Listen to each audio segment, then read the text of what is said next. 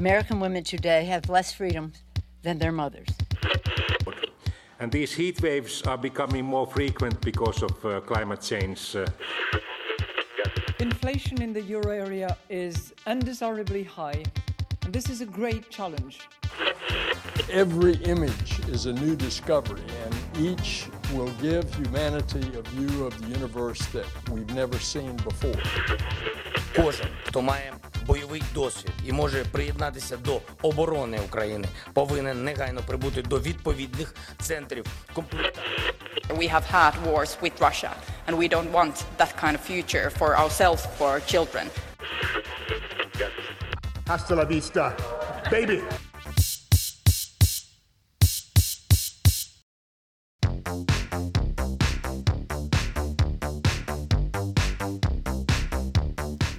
Ert að hlusta á heimskviður. Þáttir um það sem gerist ekki á Íslandi. Ég heiti Birta Björnsdóttir. Ég heiti Bjarni Pétur Jónsson. Og ég heiti Sunna Valgerðardóttir. Í dag eru 14 dagar eftir af árinu 2022 og því ekki setna vætna en að rifja upp það helsta sem gerðist á árinu. Við komum víða við í öllum heimsálfunum og meira segja aðeins í geimni. Og eins og hefðir fyrir þá ljúkum við árinu með því að líta aðeins um öxl í heimskviðu búningi. Við byrjum í Suður Kóreu og hoppum svo hingað og þangað um heimskortið. Hverfið sem umræðir í Taiwan er vinsælt skemmtistæðakverfi í Seúl með fjölmörgum litlum þröngum götum og skemmti og veitingastöðum við hvert fótmál. Fjölmiðlar hafa nefnt fjöldatölur á borðið 100.000 manns á þessum litla stað á sama tíma. Láreglan í Seúl fekk fyrsta símtalið frá í Taiwan kl. 18.34 að staðartíma. Þá voru enn nokkrar klukkustundir þar til hörmungarnar dundu yfir af alvöru. Meira en 150 manns, lang mest ungt fólk, krömdust til dauða í miðborg Seúl. Sjónarvottar lýsa því sem gerðist þarna sem eins konar öldu. Ef þú varst inn í henni gastu eiginlega ekkert gert. Fólk var að kapna, það öskraði ef það gat, kramdist og sum duttu niður. Um hundrað sjúkraflutningamenn og sérfræðingar í náttúruhamförum voru komin á staðinn og 20 mínútum síðar var búið að aflýsa öllum hrekkjavökuháttíðum í borginni. Vinsæla veitinga og skemmtistæðakverfið í miðborg Seúl hafi breyst í víður.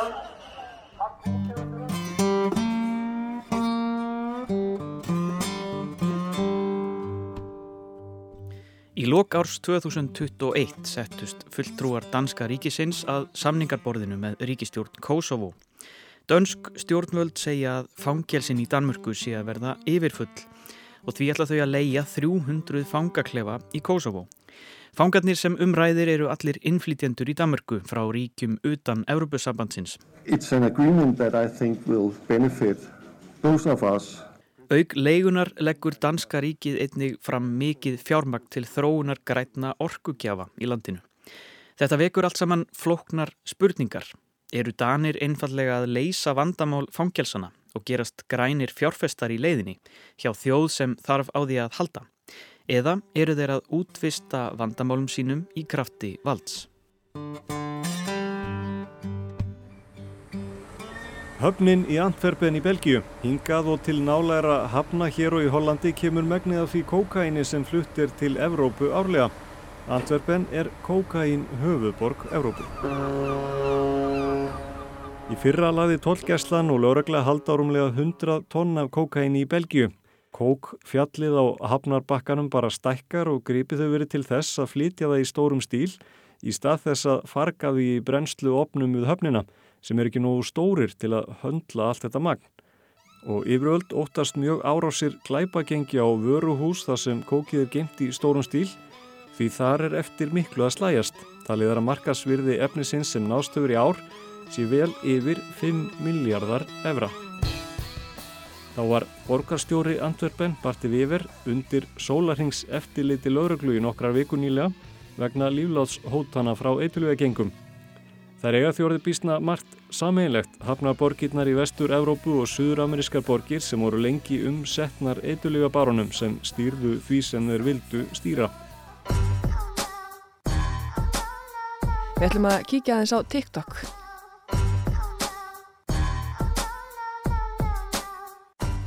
Það eru fá eða jafnvel engin atvinnutækifæri fyrir fólk sem hefst við í flóttamannabúðum í norðvesturhluta Sýrlands. There's a new trend on TikTok. Children in camps in Syria begging for hours on end. They're asking for TikTok gifts that can be withdrawn as real money. But that money isn't all going to them. Í fimm mánuði fyldist BBC með hundruðum TikTok aðganga í Sýrlandi. Einn notenda sapnaðum þúsund dollurum á einu kvöldi sem eru tæpar 150.000 krónur. En þar með er ekki öll sagan sögð. When we started the story, we knew that uh, TikTok was taking large percentage of, of, you know, of how much these uh, families are making. Mamdú segir að þau hafi vitað að TikTok tæki sinn skerf en þau hafi ekki órað fyrir því hversu stór sá skerfur væri. Around, uh, you know, 69%. 70% tekur TikTok. Það voru 150.000 orðin aðeins 45.000. After 78 nights of bombing by NATO forces Árið 1999 lauk blóðugu stríði milli Serbíu og Kosovo. Í ágúst síðaslinum tilkynntu stjórnvöldi Kosovo að serbarnir eriðu að nota númeraplötur frá Kosovo, auk þess sem þeir serbar sem kemur tímabundu til Kosovo þyrstu að fá sérstakt dvalarleifi. Serbar brúðust hart við þessu. Þeir vilja ekki láta merkja sig sem Kosovo búa. Evrópusambandið hafði á samt leðtógum bandaríkjana á NATO haft áhyggjur af að þessi deila myndi leiða til mikilla átaka millir þjóðana. Jafnvel að næsta stríð yrði í Kosovo. Тишина. Хотя тишина должна быть на Донбассе. Поэтому сегодня я хочу обратиться ко всем гражданам России. Stærsta frétt ársins er á nokkur svafa innrás rúsaðin í Úkrænu þann 24. februar. Þrátt fyrir háværar áhyggjurattir, aukna spennu og výbúnaðarsvæðinu byggust fæst við því að stríði Evrópu er því raunin. Hér fara Bói Ágússon og Jón Ólásson við stöðuna í heimskuðum í lok í januar. Ástandið er svo alvarlegt að margir óttast að til átaka komi. Eins og málinn hafa þróast núna síðustu mánuðum að þá virðist uh, alvaran vera meiri. Og svo, mánuði síðar, tveimur dögum eftir innrásina. Þetta er þáttur sem fjallar um það sem gerist ekki á Íslandi og þetta er í fyrsta sinn sem þátturinn er sendur út í betni útsendingu hér úr eftirleitinu undir tilefnið Ærið. Rússar hafa ráðist inn í nágrannaríki sitt í vestri Úkrænu og staðan breytist ört með hverjum klukkutímanum sem líður. Síðan þá hefur innrás rúsa og allt sem hún hefur orsakað komið þó nokkrum sinnum við sögu í þessum þætti. Frá innrás rúsneska herliðsins í Úkrænu hafa ótal úkrænumenn rifið sig upp með rótum og lagt á flótta. En leiðir margra fjölskyldna hafa skilið vegna þess að stríðið kallar á herminn. Það er gömulsaga og ný. Samkvæmt herrlögum sem nú eru í gildi í landinu eru karlmenn á aldrinum 18 til 60 ára skildaðir til að vera eftir í Úkrænu og verjast. Þennan dag var að lesta á leið til Úkrænu, alla leið til Kíif og fjöldi fólk speið hennar við brautarpallin. Nær allt þetta fólk hafði flúið Úkrænu fyrir minna en mánuði síðan og því langaði mig helst að vita af hverju þau veru leiðin tilbaka. Fyrir því reyndust ímsar ástæður. Staðrindin er hins svo að meðal þeirra ótal mörgu sem innrás rúsa í Úkrænu hefur áhrif á eru hundruður ef ekki þúsundir úkrænska kvenna sem nú ganga með börn fyrir aðra og svo fóreldrar þessara barna sem reyna að fá þau til sín eftir langa byggð. There's been a number of very concerning um, data points uh, since the war broke out. Online searches for Ukrainian women, Ukrainian pornography, Ukrainian escorts spiked dramatically in the opening weeks of the war and have continued to stay at a high level. And when I say dramatically, I mean between 200 and 600 percent.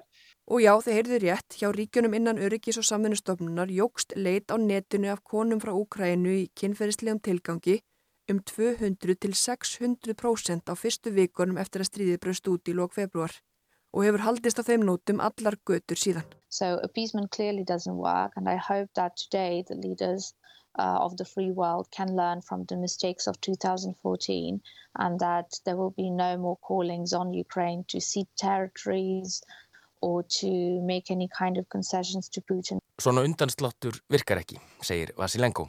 Hún bindur þess heldur vonir við að leðtóðar heimsins læri af þeim mistökum sem gerð voru 2014 og að Úkræna verði aldrei aftur látin gefa eftir landsvæði til Pútins. Viðmælandi okkar í dag heitir Jón Björgvinsson. Hann var að ímynda sér að ef rússar fara úr, úr, frá Bútsa þá verði mjög frólægt að sjá hvað þeir eru að skilja eftir sig og þess vegna vorum við fyrstir á staðin til að mynda þessi frægu hérna hriðiverk þar á lík, líkjandu um alla götur og annað. I can't hear you. It's I, I, I, I see you, but I don't hear you. How, how about now? I hear you now. Brilliant, because I just pressed the unmute button, which is always useful. And the Magnitsky Act um, has been the tool or the template uh, which is now being used um, by most of the West to freeze assets of Russian oligarchs and people close to Putin. Magnitski-laugin hafa verið sett víða um heim, fyrst í bandaríkunum árið 2012 og þeir hafa til dæmis nýst sem viðbröð við innrásinni í Ukrænu til að frista eigur auðkýfinga í Rúslandi og fólks sem stendur nærri Putin. Þannig að lögjöfun er orðinað líkil vopni í þessum átökum sem nú standa yfir, segi Bráder.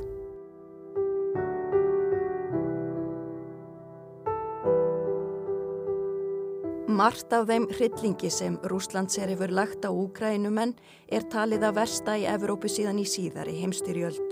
Það sama á við um jarðsprengjurnar. Frá lokum síðari heimstyrjaldar hefur hvergi verið komið fyrir jafnmörgum jarðsprengjum í Evrópu.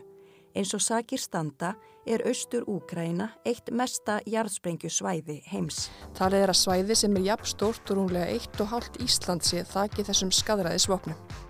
Sérfræðingur segir að það eigi eftir að taka 20 ár að hreinsa jarðveginn. Þannig að þetta er í raun og veru svo taktík sem við höfum séð frá rússum líka annar staðar. Það er að bæta fyrir vangetu bara með meira, uh, meiri valdbeitingu og meiri álbeitingu og þetta er það sem þeir hafa. Fósiti Íslands, Alar Karis, gengur lengra þegar hann er spurður hvort hann hafi áhyggjur af því að hans land verði næst ef rússar ná markmiðum sínum í Úkrænum. Hann segir að það sé ekki rétta spurningin til að spyrja. Well, I don't know because it's uh, it's always a question: is Estonia next or, or Lithuania next? It's not the right question because NATO is next or Europe is next. Evrópa er næst, segir fórseti Ísland, svo við skulum halda okkur þar. Við ætlum í pólitíkina. Það var hægri sveibla í evróskum stjórnmálum á árinu, ítök þjóðverðnissinna og populista eru að aukast og flokkar sem gætu fallið undir þá flokkun komnir til valda nokkuð víða í Evrópu. Giorgia Meloni er þeim hópi en hún komst til valda á Ítalíu í september. Hún er fyrsta konan til að taka við fórsættisráð þeirra ennbætti á Ítalíu í einni hægri sinniðustu stjórn landsins síðan um meðja síðastu öld. Svíþjóðdemokratum gekk vel í kostningum og er ornir næst stærsti flokkurinn á sænska þinginu. Og þetta er viðbót við flokka sem þegar stjórna eins og til dæmis í Ungverðurlandi, Kvítarúslandi og Pólandi. En hefbundnum og rótgrónum hægri flokkum vegnar einni víða mjög vel með einni undantekningu þó því liðsmenn breska íhalsflokksins geta líklega ekki beðið eftir að þessu ári ljúki.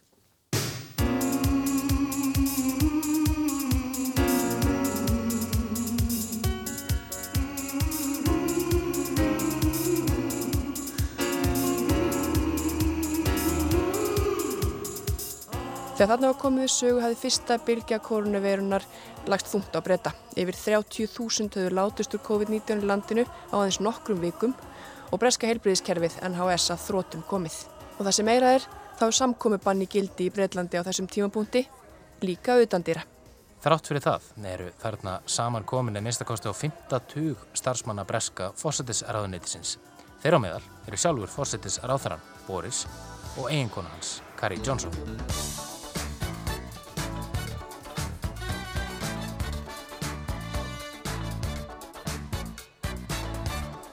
Partygate var það kallað, neykslismálið sem skók bresk stjórnmáli upp af árs og reyndar aðeins lengur.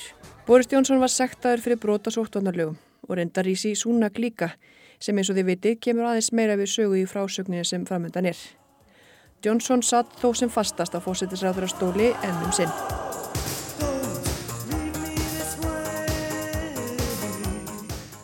Um mitt sumar fór þó að kvartnast úr ráþeirahópi Johnsons og um 40 ráþeirar og aðstóðar ráþeirar sögðu af sér. Þann 7. júli gerði svo þetta.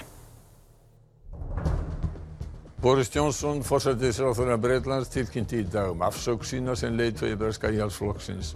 Þau voru tvö sem komist í undan úr sliti í leiðtögakjöri íhalsflokksins, Rísi Súnak og Liz Truss, sem var í byrjun september, nýji leiðtögi flokksins og þriðja konan til að verða fórsættisráþurra í Breitlandi. Tveimur dögum eftir að Liz Truss var fósittisráðra Breitlands bárust þaðan fregnir sem í hugum breyta og líklega fleiri var einn langstæsta frétt ásins. A few moments ago, Buckingham Palace announced the death of Her Majesty Queen Elizabeth II. Elisabeth Önnur Englandsdrottning er látin 96 ára að aldri. Elisabeth var drottning breska samveldisins í 70 ár, lengst allra þjóðhauðingja í sögu Breitlands.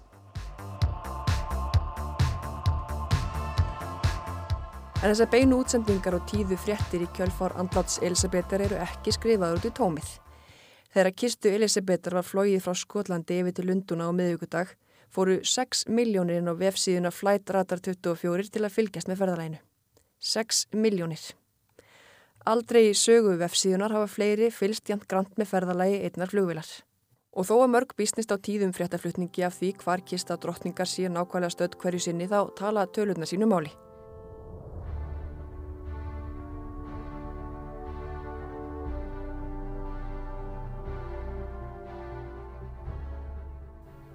Og ætla einhverjur úr þeim hópi sé ekki laumu ráðjælastarinn við bein. Allavega er það til dæmis svo að eftir að Elisabeth fjall frá fyrir rúmri viku síðan hefur áhorfað þáttaræðarnar fjórar The Crown um sögu hennar stór aukist. Áhorfið á þættina í gegnum streymis veituna Netflix hefur aukist um 800% frá því að Elisabeth lést.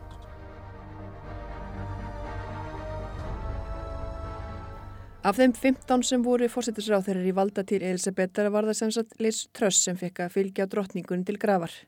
En Adam var líklega lengur í paradís en Truss í ennbætti fórsetisráþeira. Margra daga vangaveltum um hversu lengi Liz Truss erði fórsetisráþeira Breitlands lauk í hádegin í dag þegar hún sagði af sér. Given the situation, I cannot deliver the mandate on which I was elected by the Conservative Party. Og fórsetisráðra kapallin hjælt áfram réttum sex vikum eftir að Liz Truss flutti í dáningstræti 10 voru þetta fréttinnar þann 24. oktober. Rísi Súnak verður næsti fórsetisráðara Breitlands sá þriði á þessu ári. Súnak tekur við ennbættinu á morgun og verður fyrsti þjóðarleitói Breitlands sem er ekki kvítur. Umtalsvert meiri ró hefur ríkt í þó stuttri stjórnatíð Súnak en forvera hans. Allavega hinga til. Sindir hins vegar að segja að ró og friður ríki í fjölskyldu Karls Konungs og afkomenda hans. Í áslokk kom út 6 þáttaseri á streymisveiturinn Netflix þar sem Harry og Meghan viðra allar spjarinnar í óhrunötu í fjölskyldunar og viðra ástæði þess að þau hafa snúið í bandaríkjunum.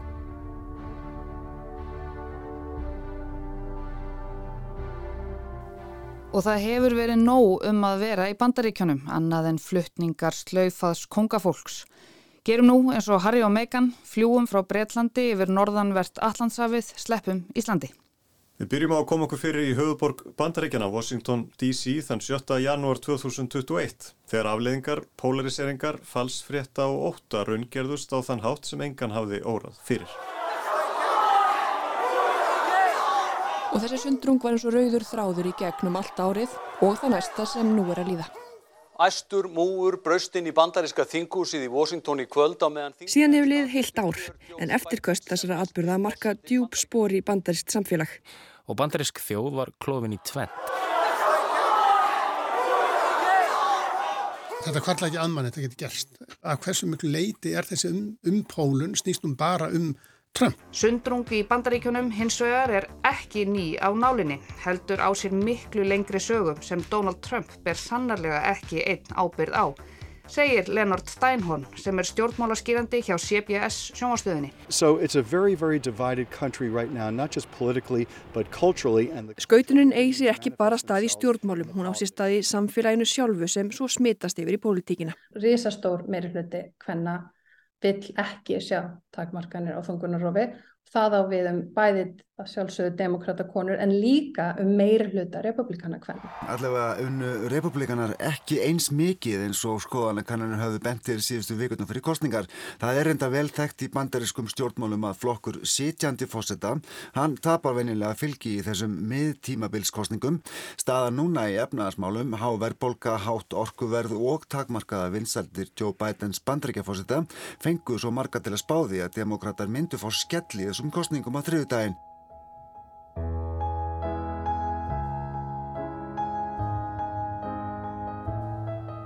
Bissuegn, aðgengi að skotvopnum og lögjöfin í kringum vopnaburð og vopnaegn stjórnast að miklu leiti af pólitíki í bandaríkjunum. Í vikunni var þó skrifað undir samkúmulag, það fyrsta sinna tegundar, þar sem skotvopna framleiðandi samdi við aðstandendur fórnalampa skotarósar. Aðstandendur sem stemdu vopnaframleiðandanum fyrir ábyrð þeirra á voðaverkinu sem kostaði á börnin sín. This epidemic of gun violence knows no boundaries. Between 88 and 92 people a day are killed by guns. We're better than this. 20 börn, 6 og 7 ára gömul voru skotin til bana í skólunum sínum þennan dag þann 14. desember árið 2012. Það voru aðstandendur fjögura barna og fimm fullorðina sem voru myrti í Sandy Hook barnaskólunum sem sóttu mál gegn Remington Arms og úrvarð að Remington Arms greiði rúma 9 miljardar íslenska króna til fjölskyldana.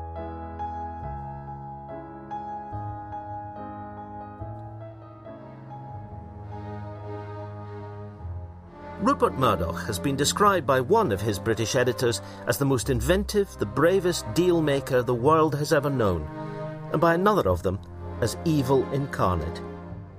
En síðan tilkynir Donald Trump aftur núna um fórsetaframbóð.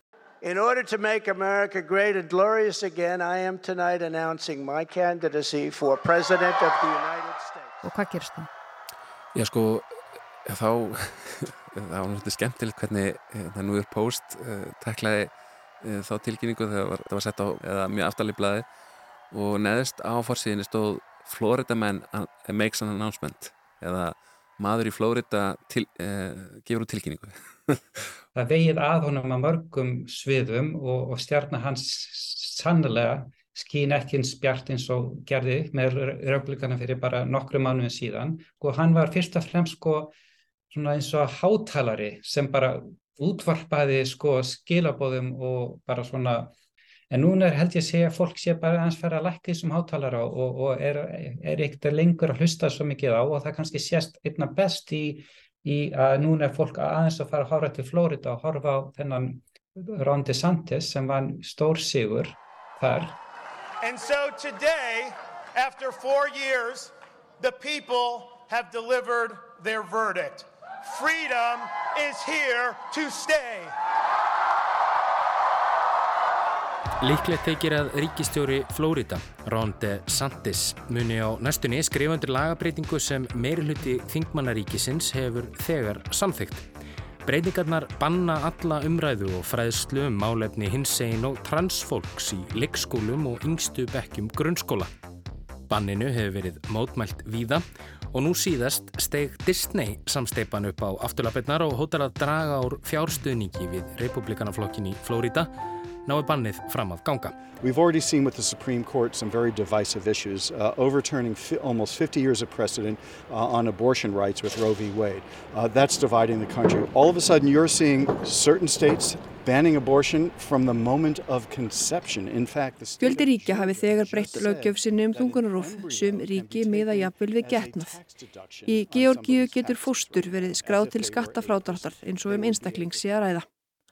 Ólík lögjöf í mismunandi ríkjum ali á þessari sundrungu.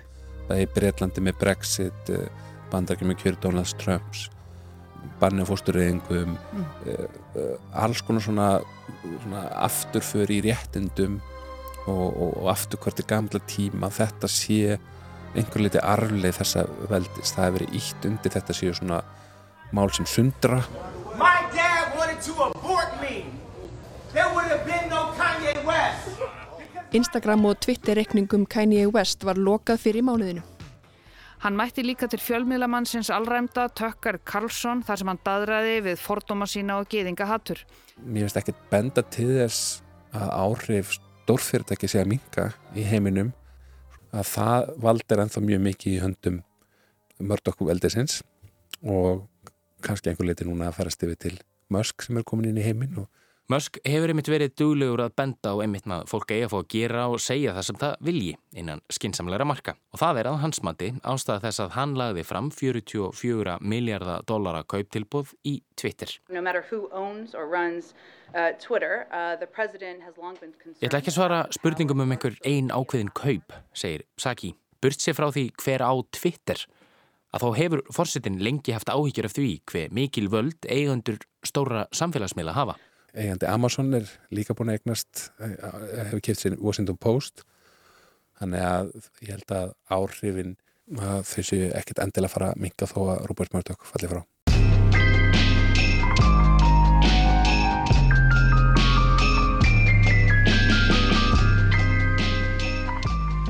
En það er sótt að réttindum hvenna víðar. Í Íran hafa konur leitt mótmæli og rifið af sér höfðuslæðunar sem verðast mjög mikilvægar stjórnvöldum í landinu, sem einhvers konar tákmynd, kúunar og valdsins. Klerkastjórnin hefur tekið mjög harta á mótmælendum sem krefjast ekki lengur aðeins aukina réttinda og umbóta heldur vilja steipa stjórninni. Og slæðunar eða hijab hafi verið eitt af innkennu mótmælana og það er eins og klerkastjórnin tellis ekki komast af eða geta haldið óbreyttu stöðu án hijabs. Þetta er það stert vopni hennar höndum. Í þessu felstöðu þetta kúun og ráðamenn telli hættu á því að fái konur að klæðast og haga sér eins og þær vilja, missið þeir ítöku völd, þannig að þetta er þeim mjög mikilvægt. Já, ég talaði í september við konu í Teheran sem hafði tekið þátt í mótmannarnum og vildi ekki að ég byrsti nafniðanar af óta við yfirvöld. Uh, yeah, I was there, I was in the street, I uh, try to be on the street every day uh, and actually now every night because uh, it's a few days that people gather at night like... Og þetta krefst ótrúlegs hugrekkis að mótmæla Íran, við kannski gerum okkur ekki grein fyrir þessu, þetta á ekkit skilt við það að fara á austuvöll og berja potta á pönnu, þarna er skotið á mótmælendurum bara mjög reglulega. Primitive rules like wearing hijab, controlling uh, women's body, controlling everything, the most private uh, features of uh, our lives. And uh, this has uh, made people really angry. Uh, it's like, okay, uh, if, if, if life is gonna be like this, okay, I'm ready to die. But this needs to be ended. Þetta var í lók september þegar mótmælinn höfðu aðeins staðið í rúma azadi!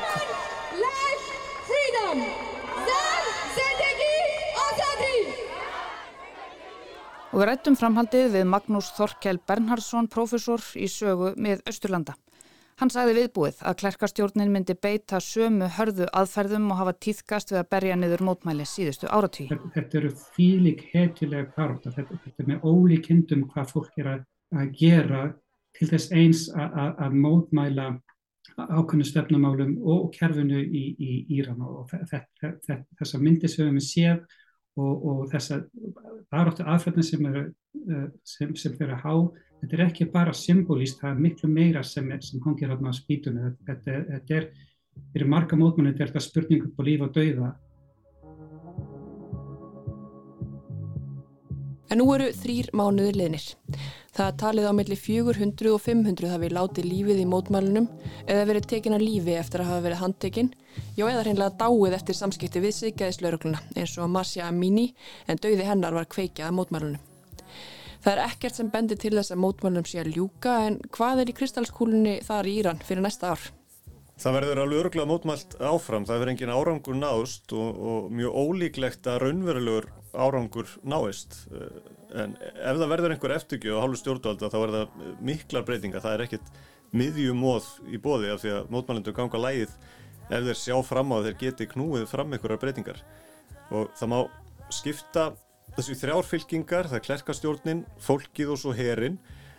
Stjórnin hefur haft herin á sínu bandi hinga til og það gerist ekkert fyrir en það breytist. En þá gæti mikið breyst, en það er mikið líklega að mótmælinn verði bara niður og það gætu þúsundir láti lífið.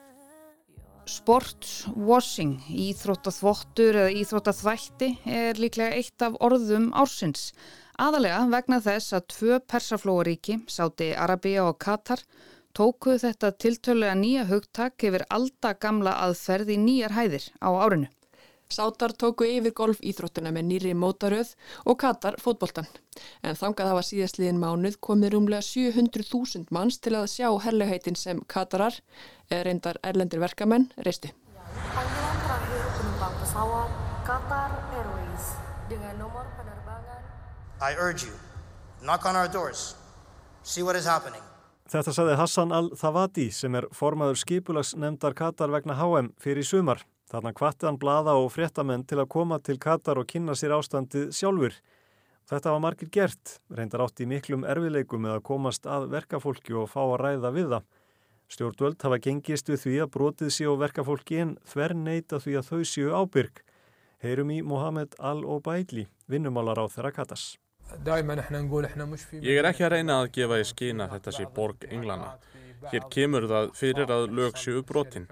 Fyrirtækin hér hafa gert mistök og gerst brotleg, ekki yfirvöld. Það er talið að gasforði í og við landið dugi til 100 ára og nú þegar allir er að banka upp að hjá köturum í kjölfar Úkrænustrísins og gaslokunarinnar frá Rúslandi sem veldur því að verðið á gasinu hefur meira en fimmfaldast berjast menn um að fjárfesta í meiri gasvinslu í Katar og þótt heimsmeistaramótið í knaspurnu og uppbyggingin í kringu það kosti landið 220 miljardar bandaríkjadæli sem er 15 sunnu meira en nokkur önnur heimsmeistarakettni hefur kostað verða þeir sennilega fljótir að borga það upp með þessum mikla lónu kvóta.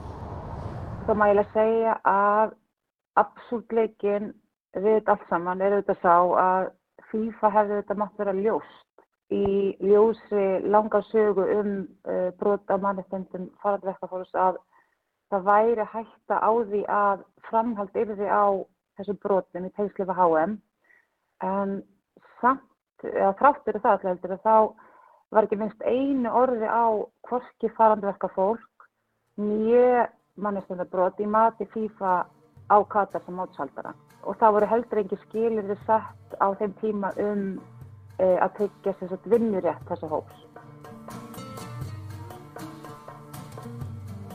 En þarna eru þessar þjóður svolítið að, að sópa undir teppi, mannréttindabrótum eða, eða einhverju þjóðarmorðum eða stríðum eða hvernig það er uh, til þess að reyna að kaupa sér uh, svona gott almenningsálit. Og HM í Katar verður gott dæmi með þetta? Ég held að það sé bara alveg, alveg potjætt. Og hvað á svo að gera við átta þjóðarleikvanga í einni borg eftir heimsmyndstarmótið?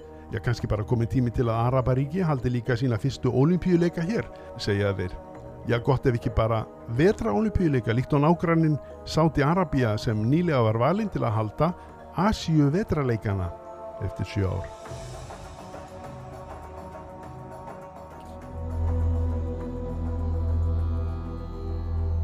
En aftur á golfinu, þar hafa um árabil þeir bestu keft á bandarísku mótaröðinni PGA. Í vetur settu sátar nýja mótaröð henni til höfuð sem þeir kalla LIV. Hún er fjármögnuð af fjárfestingasjóði Sáti Arabíu og taliða fjármagnið sem sett var í að koma inn á koppin sé þrýr miljardar bandrækjadala.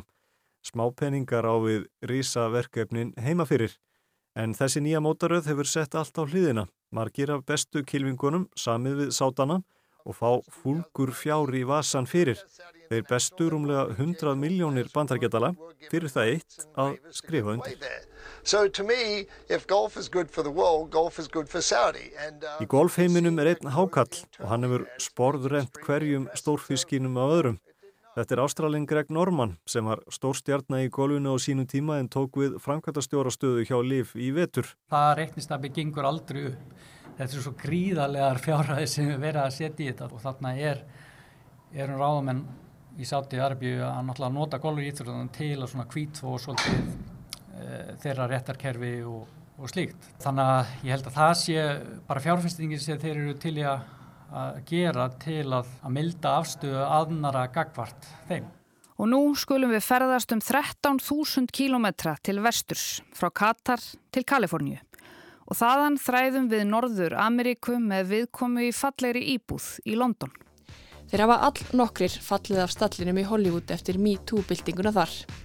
Harvey Weinstein, R. Kelly, Michael Jackson, Bill Cosby, Roman Polanski, Woody Allen, Brian Singer, Luke Besson, Malin Mansson, svo einhver nöpsi og nefnd voru allir ofinberaðir sem kynferðisbrotamenn og nýðingar eftir að hafa fengið áreita hérna og þessa ítrekkaði ára raðir.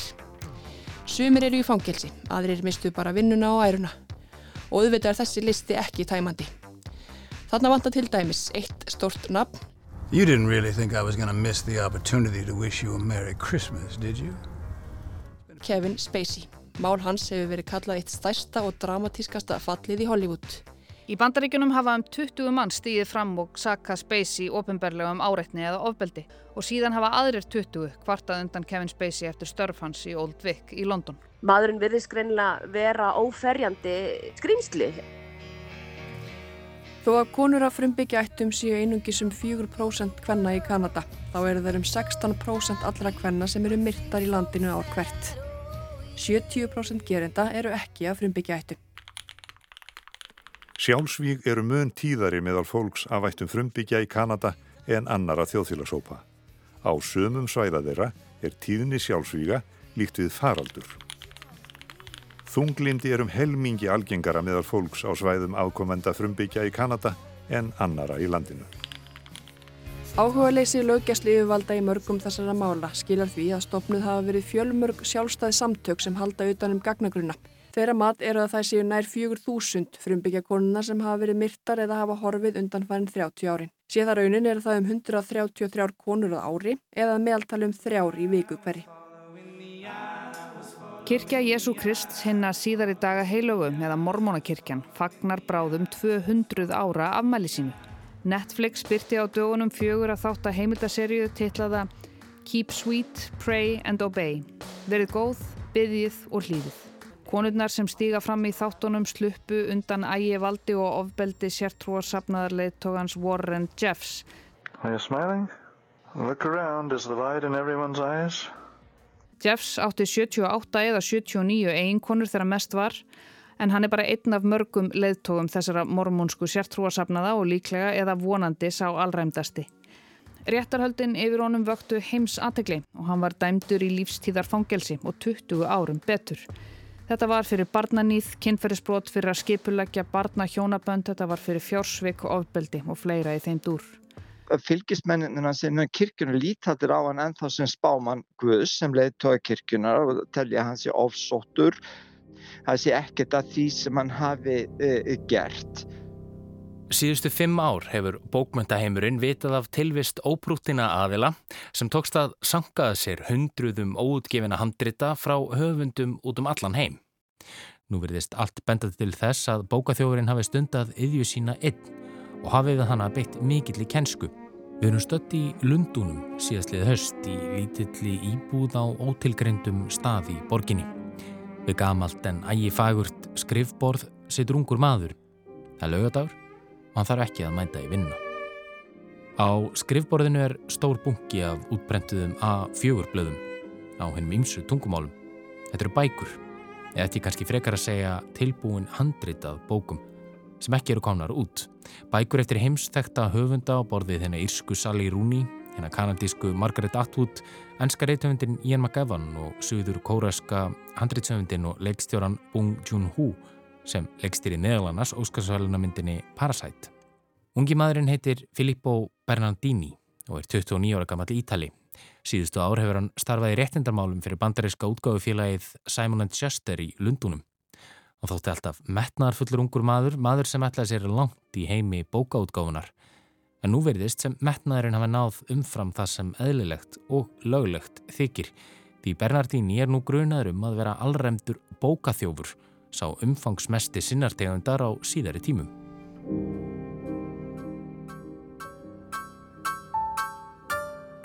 This is a Global Tel-Link prepaid call from Adnan Sayed.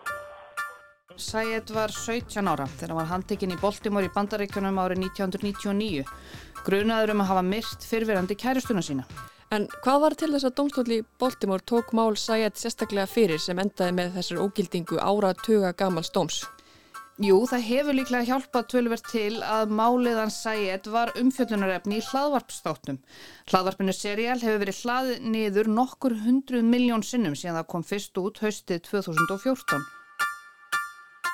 Það sitja meira en 2 miljónir bandaríkjamanna í fangelsi í dag og samkvæmt tölfræði þaðan er talið að um 5% þeirra séu saklausir, meira en 100.000 manns.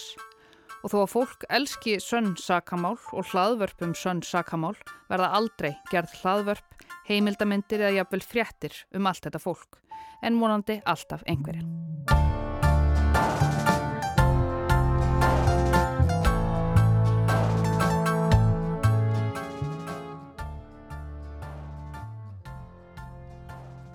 Það er ímsu að huga þegar kemur að því að bjarga heiminum.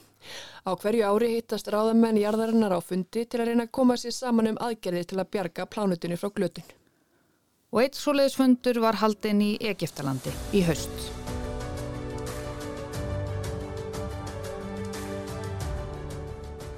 Friends, today a new era begins and we begin to do things differently.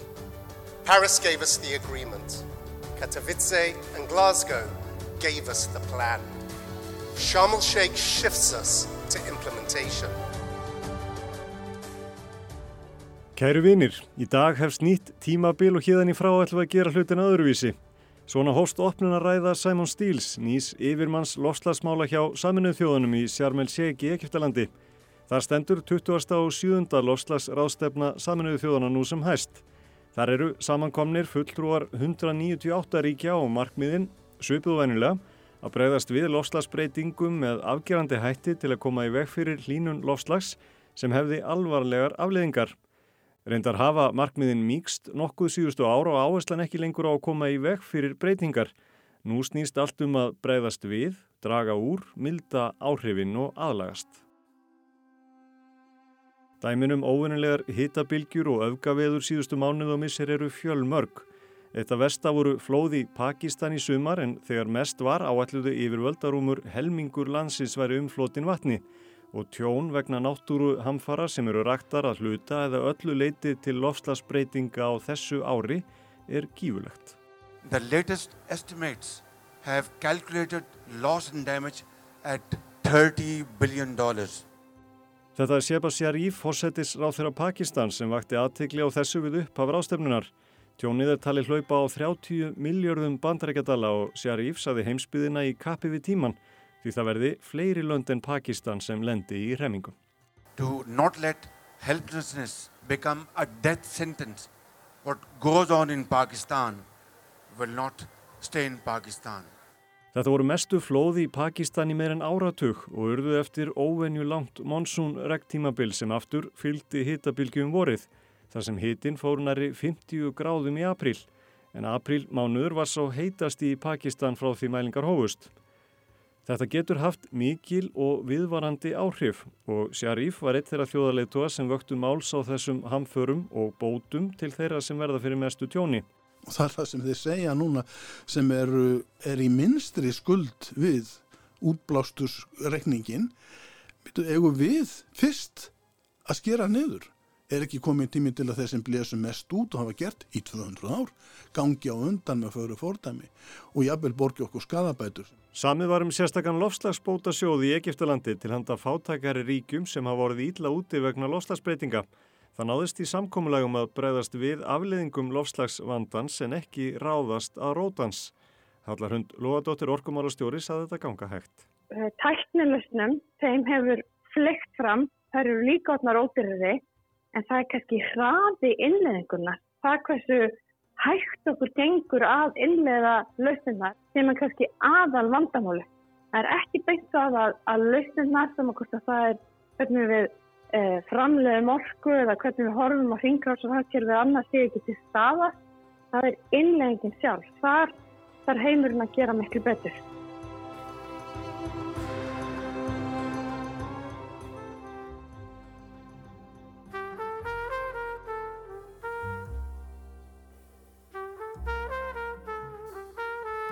En það virðist ekki vera raunverulegur viljið til að grípa til aðgerða og þá byrja að þakka fyrir verkefni eins og Artemis.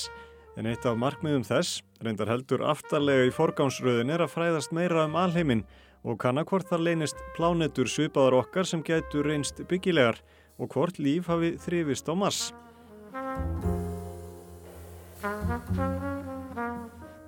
En til skemmri tíma er markmið NASA að koma upp aðstöðu á tunglinu Henry Olsen, dálkahundur hjá Washington Post, saði eftir að fyrstu skot telraun geimverkefnis NASA mistókst mikilvægt að það takist vel upp með Artemis því ef ekki sé það ógn við þjóðar öryggi í bandaríkina. Getting to the moon quickly and remastering moon travel and also mastering long-term presence on the moon is essential for national security because that's something that China and Russia are already planning. Henry segir að rússar og kynverjar stefni einnig á að koma sér upp bækistöðum á tunglinu og takist það standi vesturlöndum ógnaði. If there is a military base on the moon that can disrupt satellite travel and that means the United States needs to have the capability. En hvað sem líður öllu hernaðar bröldi er Artemis verkefni stórmerkilegt. Það miður að því að senda mannað geimfar til tungsins og síðar til Mars Bill Nelson, fórstjóri NASA, segir stemt að fyrsta mannaða tungl leiðangrinum í meira en hálfa öld árið 2025. Indeed, this is a golden age of space and space flight, but there's a lot out there in the universe to discover. Það er heil hellingur þarna úti í alheiminum sem við eigum eftir að uppgötva, sagði forstjóri NASA. En heimskviður reyna samt sem áður að halda sig á jörðinni að minnstakosti í byli. Við lökkum til að flytja ykkur fréttaskýringar utan úr heimi á nýju ári. Takk fyrir samfélgina á því sem nú er að líða og takk fyrir að hlusta.